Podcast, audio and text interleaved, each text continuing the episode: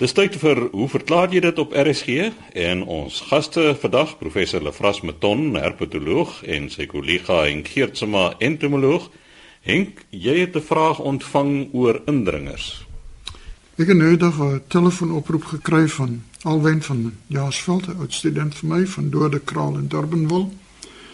En hy sê vir my, "Maar hy sien so 'n pragtige swart skoenlapper in sy tuin met sulke wit strepe en hy wil weet wat is dit? Nou die skoenlapper se latynse naam is Caraxus brutus natalensis.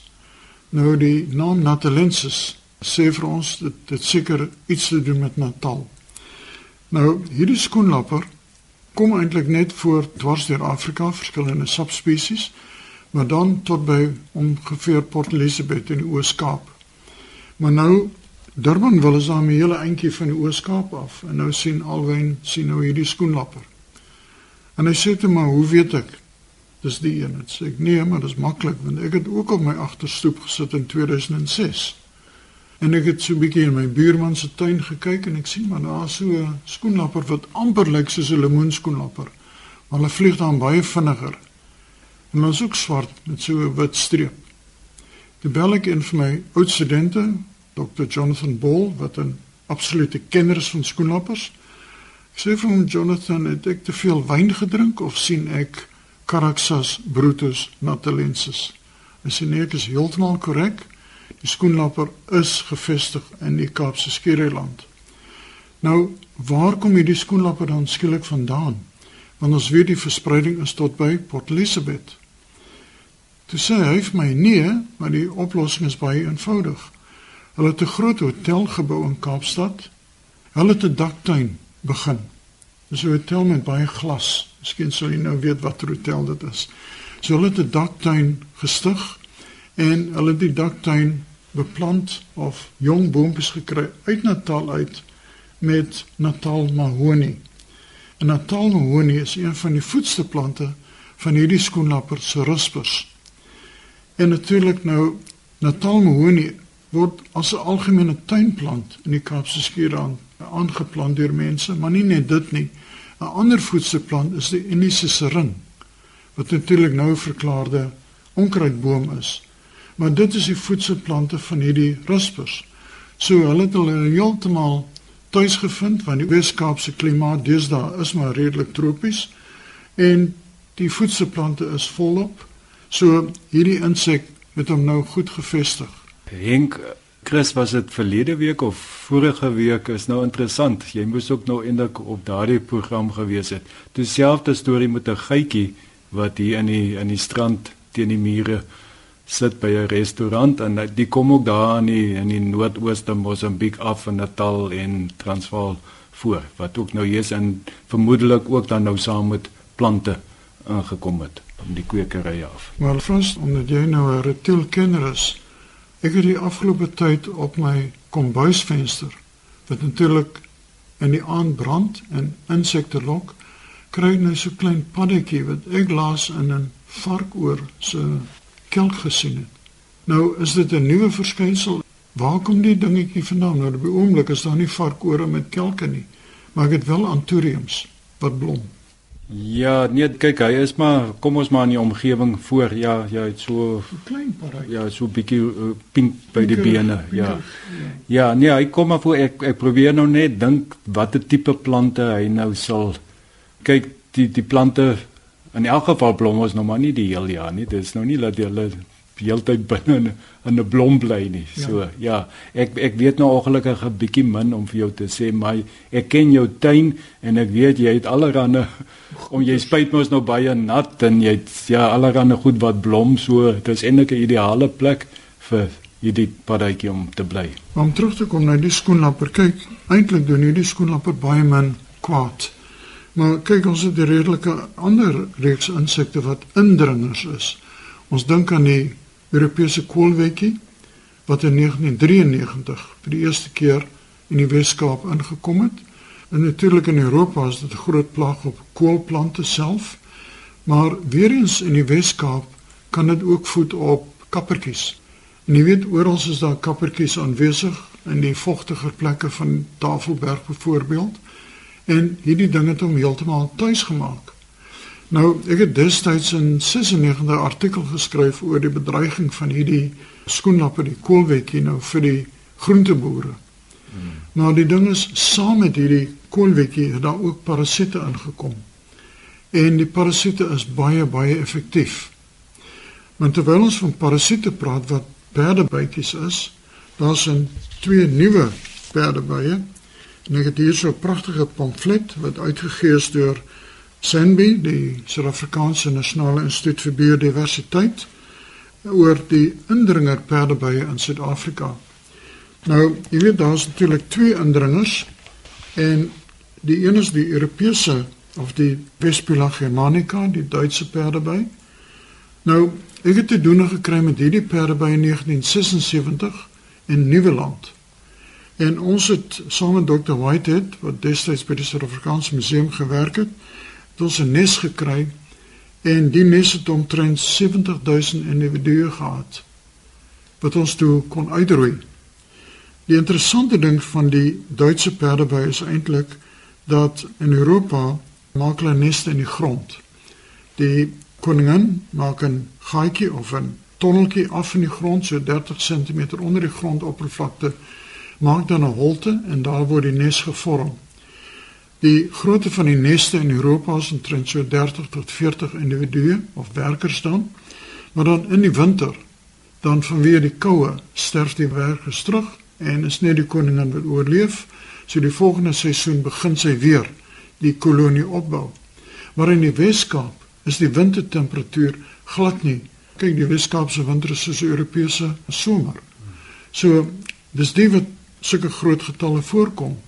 Onlangs het Dr. Alsop van die Plantbeskermingsinstituut in Somerset West ook hierdie perdebynes uitgroei en hulle het meer as 'n miljoen individue uit die nes uitgehaal. Nou mense sal vir my vra, hoe weet jy dis 76000 of 'n miljoen? Nou die gemiddelde gewig van so 'n perdebytjie is so 1.2 gram. So jy skraap al die dooie perdebye bymekaar en weeg dit met so 'n bietjie wiskunde of rekenkunde kan 'n mens dan uitwerk hoeveel individue. Maar die interessante ding is so 2 jaar gelede het 'n ander Europese perdeby, Polistes dominila, sy verskyning gemaak in die eerste keer in Kuilsrivier. Die afgelope 2 jaar is hierdie ding besig om vinnig te versprei in die Wes-Kaap. Maar die interessante waarneming wat ons nou doen is dat hierdie nuwe perdeby is besig om die Duitse perdeby te verdring. En ons het nou 'n interessante geval waar een indringer wesp 'n ander indringer wesp besig is om te verdryf. Vas jy wil iets sê? Nee, ek stel net belang is hierdie indringers is hulle nou ook in die veld in of is dit nog maar net op landbou en in dorpsgebiede? Ja, die ding is hulle is op die oomblik meestal in dorpsgebiede. Ons het twee studente in die departement wat besig is om te kyk na hierdie perbeise verspreiding. Byvoorbeeld, daar is restaurante in die Stellenbosch omgewing wat hulle kliënte moet beskerm teen hierdie perdebye want hulle het 'n groot vleislus.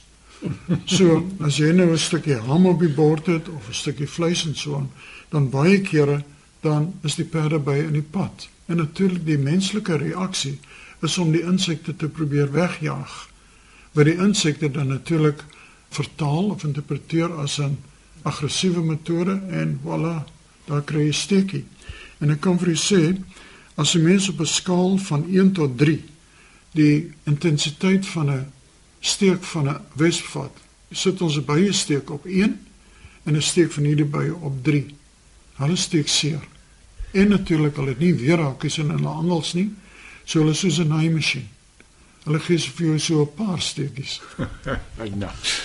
Henk, dit is ook nou 'n aanleiding van ons vorige program Hoe groot is die probleem van indringer insekte sê nou maar in Suid-Afrika? Want ek het net die idee daar moet geweldige klomp indringers wees. Is dit so of nie? Ek dink die beste voorbeeld is die Argentynse mier. Die Argentynse mier is natuurlik huisgebonde. Ek meen dis een van die uitvloeisels van die Anglo-Boereoorlog toe die Engelse die perdevoer ingevoer het van Argentinië saam met die perde. En so die sogenaamde Argentynse mier ook dan hierso beland. Interessant, die Argentynse muur kom ook voor in Australië waar hulle geen boereoorlog gehad het nie. Maar die ding is wat die Argentynse meer nou doen is en ons vind dit baie kere kan 'n mens dit assosieer met piknikplekke in die fynbosgebiede dat die Argentynse meer word deur die mens ingedra in die fynbos areas. Nou, jy weet baie van die inheemse mure in die fynbos versamel plantsade want die plantsade bevat oliekliertjies juis om deur mure rondgedra te word. So die grotere inheemse mure versamel die sade en dan dra hulle die sade na hulle nes toe waar hulle dan die oliekliertjies of die laiosome afvreet. Nou wat maak hulle met die saad? Die los hulle nou aan die grond. En soos die muurkolonie uitsterf of verplaas, lê die saad in die grond.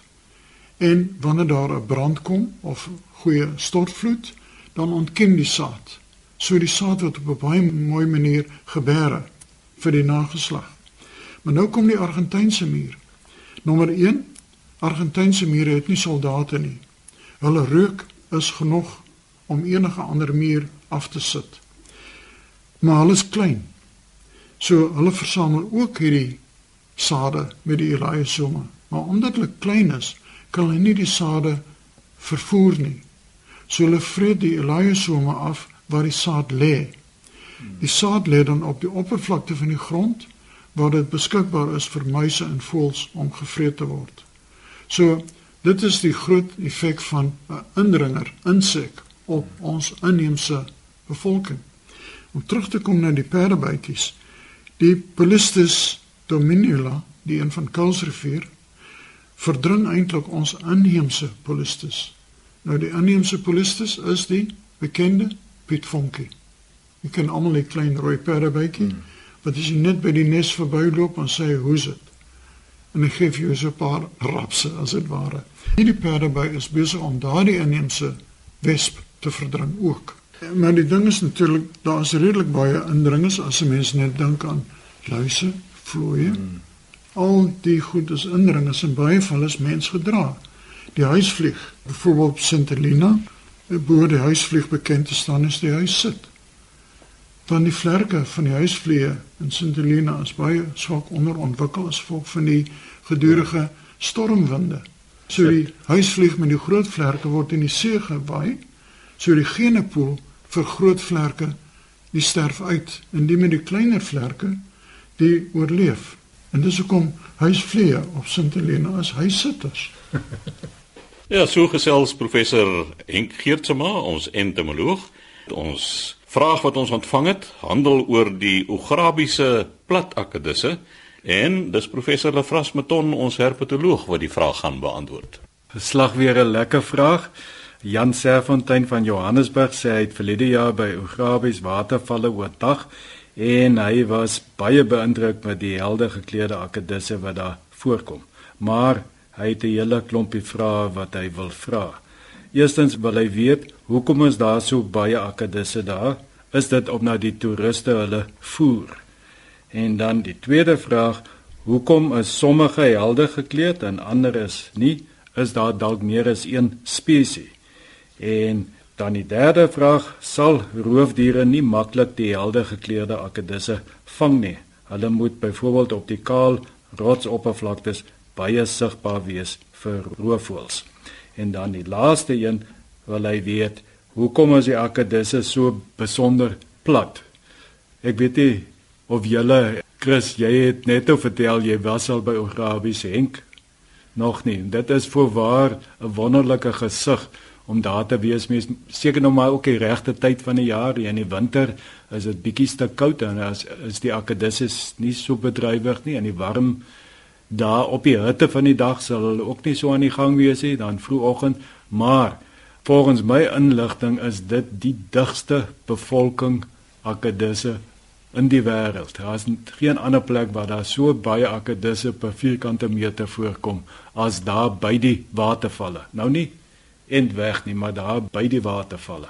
So die gedagte van is dit die toeriste wat al die akkedisse kos gee. Daardie akkedisse is baie kort daar as jy so staan met 'n stukkie brood, hy het op sommer teen jou been op en dan jy weet, dan kom vir die brood. So die mense gee vir hulle wel kos. Maar daar's dan baie ander plekke waar daar akkedisse is en waar daar mense is en daar's nie so baie akkedisse. So dit is nie die kos gee nie. Daar moet iets baie spesiaals wees om so 'n klomp akkedisse te kan onderhou. En dit is toevallig nou sodat al hierdie vrae sluit almal by mekaar aan en dit begin alles by muggies. Nou ek weet daar hang se oë skitter dadelik want die akedisse mos so so 'n bietjie hoër op in die voedselketting as die insekte en uh, ja, ek kan sien hy's bly oor die diens die diens wat sy goggetjies kan lewer vir die akedisse. Nou Henk ek sou graag wil hê dat jy net dalk vir ons 'n bietjie vertel van muggies. Daar's 'n hele klomp soorte, maar die wat nou daar by die watervalle voorkom, daar is basies die heel jaar hierdie swerms van muggies. En dit is hoofsaaklik die mannetjie individue. Hulle broei in vinnig vloeiende water, die larwetjies broei uit. Die wyfies sal nog so 'n bietjie swerm, maar die mannetjies hang daar rond om te kyk of hulle kan paar. Die wyfies, hulle eet, die mannetjies eet nie. Hulle paar net. My aangeval daar's hierdie digte swerms van muggies en hierdie akedisse is nou daar op 'n hoop want hulle eet muggies. Dit is hulle hoofvoedselbron. Kyk, die ding is jy gaan nie net vinnig vloeiende water daar kry nie, maar ook stadig vloeiende water. Jy gaan poele kry, jy gaan rotse kry wat klam is gedurig waar jy mos gaan ontwikkel sien. En daar's 'n magdom van vlieglarwes, maar ook klein keverlarwetjies en so wat in hierdie vogtige omgewings gaan leef. En dis natuurlik dan dan kom die akedisse natuurlik as tweedehandse gaste. Uh kom hulle dan om dan die insekte 'n bietjie uit te dun. Maar die ding is is wel waar, maar natuurlik moet ook nie die invloed van die mens vergeet nie, want baie van hierdie vliegies wat daar is, is hierdie sogenaamde noem ons die simuliede toe die vonkvliegies in 'n makuland wat jy so die brandassies die kry mense dan ook. Nou met ander woorde, jy gaan 'n groot kompleks van verskillende vliegfamilies van jy kry wat daai omgewing benut onder die omgewing sulke verskillende soorte onder habitatte kan mense sê. En natuurlik sal jy ook by die akedisse vind dat sekere soorte sal meer hou by 'n sekere biotoop as by 'n ander. Ja. So dit is die kos wat daar by daardie spesifieke plek, die insekkos is daar. Dit is 'n dit is 'n hy is daar 'n groot restaurant met baie kos. Dit is hoekom daar so baie akedisse is. Maar dit is net een spesies wat hierdie bron benut.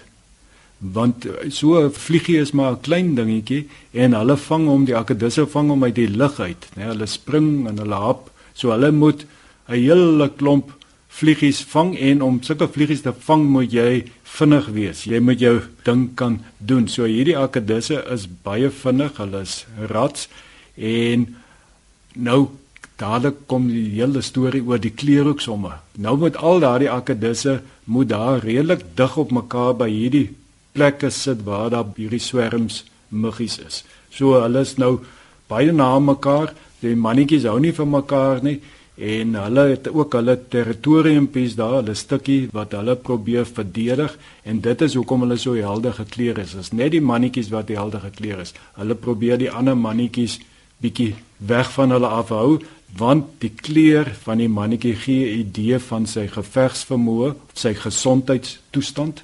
As hy baie gesond is, jong man, dan het hy mooi helder kleure en die wyfies hou ook van die met die helder kleure. So Dit is hoekom hulle so helder gekleer is, is as gevolg indirek van die muggies wat dan nou laat hulle so saam pak daarso op een plek. Dit is 'n manier om energie te bespaar. Hulle hoef nou nie elke keer te baklei nie, want die mannetjies weet hè, ek moet nie moet ou wat so helder gekleer is sukkel nie. So dat hulle bespaar 'n bietjie energie op daardie manier. Natuurlik is daar 'n paar mannetjies wat soos wyfies lyk. Hulle is baie tussen die wyfies en hulle paar ook elk geval. So nou die volgende ding dan oor die roofvoëls. Ja, roofvoëls is beslis hulle maak op sig staat en dit is hoekom normaalweg ene akedus wat op klippe sit is kripties gekleer, hulle is gekamoufleer, hulle lyk soos die klippe. sodat die roofvoëls hulle nie moet raak sien nie. So baie goeie vraag, hoe werk dit dan nou hierso? As jy nie kripties gekleer is nie, dan moet jy vinnig wees. En hierdie akedisse is ongelooflik vinnig. En as 'n klomp van hulle bymekaar, so as 'n roofvoël kom, dan gaan hulle een gaan sien en reageer en die ander akedisse gaan ook reageer en hulle is so vinnig, hulle gaan hardloop teen spoed op daardie rotse na skuilings toe. So dit is dan hoekom hulle vinnig is. En nou die volgende vraag is hoekom is hulle so plat? En dit is alles weer die muggies, die kos se skuld. Want hulle moet nou daar by 'n spesifieke plek sit, daar naby die rand van die ravyn, die waterval. Dit is omtrent in die 50 meter waar daardie water afstort en daardie rotse is maar redelik glad daar. Daar's nie noemenswaardige skeure of skuilplekke. So hulle sit ver van skeure af, skuilings, skuilplekke af. Die die is 'n 20 meter binneland toe waar hulle oornag. So wanneer daar nou gevaar kom, dan hardloop hulle natuurlik nou hiervanaf na die skeure toe, maar om nou vinnig te hardloop, kan jy nie skubbe en stekels en en panser hê nie. Jy moet so lig gebou wees soos nog iets. Nou in die aand moet hulle nou slaap. En hierdie groep akedisse wat hulle gewoonlik doen is Die ander spesies het stekelrige sterte en die word dan nou voor die liggaam omgevou om beskerming te bied. Maar hierdie spesies wat by rabies voorkom, het nou net daardie leksie nie omdat hulle so vinnig moet wees, omdat hulle moet kan weghardloop. Nou, hoe maak hulle nou? Nou het die liggaam net al hoe platter geraak dat hulle in die smalste skeurtjies kan inpas daar waar 'n slang of 'n ding nie kan inkom nie. So al hierdie dinge, die feit dat hulle so plat is, is omdat hulle moet kan vinnig hardloop om van die roofvoëls af weg te kom en hoekom is so helder gekleer en hoekom is daar so baie alles gaan oor die muggies. Jy het gesê dat hoe rooier die mannetjie, hoe meer dominant hy is in die omgewing. Maar nou omdat hy rooier is, is hy ook meer sigbaar vir roofvoëls. So hy betaal 'n prys eintlik. Ja, gelukkig hierdie helde klere of die ek moes nou enige foto's saamgebring het dit is baie keer meer aan die ventrale kant of aan die sykant van die akedus en wanneer hulle nou vir mekaar wys hoe sterk hulle is dan lig hulle die been so op die voorbeen weet hulle flash so en hulle kon selfs die hele maaggedeelte so draai. Maar nie dat die boonste dele van die liggaam is ook baie meer helder gekleed as die wyfies in maar daardie werklike helder kleure is waarskynlik nie so sigbaar of meer sigbaar vir roofvoëls as die wat nou minder helder gekleed is nie. Is dit nie die akedissies wat ons in Lesotho ook sien of in die potjies so optel nie?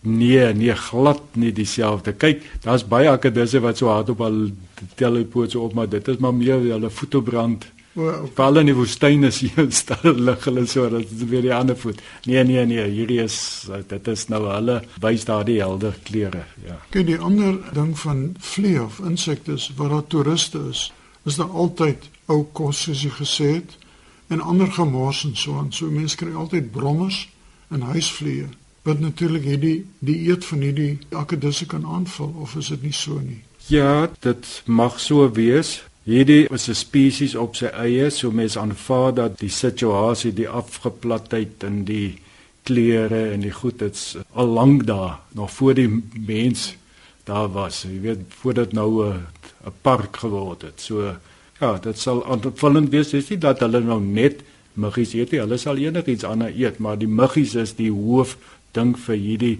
baie unieke biologie van hierdie spesies. Hulle eet ook baie vrugte. Daar's baie vye, hierdie willevy bome daar so langs die rivier af. Hulle eet daardie vye ook. Jy weet natuurlik van die bobbejaan wat in die boom gesit het en dagga gerook het. En toe kom daar akedus in die boom en hy sê vir die bobbejaan, "Hoe lyk jy so gelukkig?" Hy sê, "Nee man, ek rook 'n bietjie dagga." En die akedus kry ook so 'n paar trekke en die akedus raak te baie dors. So hy stap af na die rivier toe en hy drink 'n bietjie water en hy sien 'n krokodil en die krokodil sê vir hom: "Hoe lyk jy so vrolik?" Hy sien nie daar in die boom sit 'n bobiaan en hy rook dagga. Die krokodil sê my wil ook hê. En toe krokodil by die boom kom, toe kyk die Bobbejaan so vir hom en hy sê: "My maggies, my jy dan baie water gedrink." Nou ja, op daardie noot het ons aan die einde gekom van hierdie program. Ons sê dankie aan ons twee gaste, Lefras Meton en Henk Geertsma. U is welkom om te skryf aan hoe verklaar jy dit posbus 2551 Kaapstad 8000 of 'n e-pos te stuur aan chris@rsg.co.za.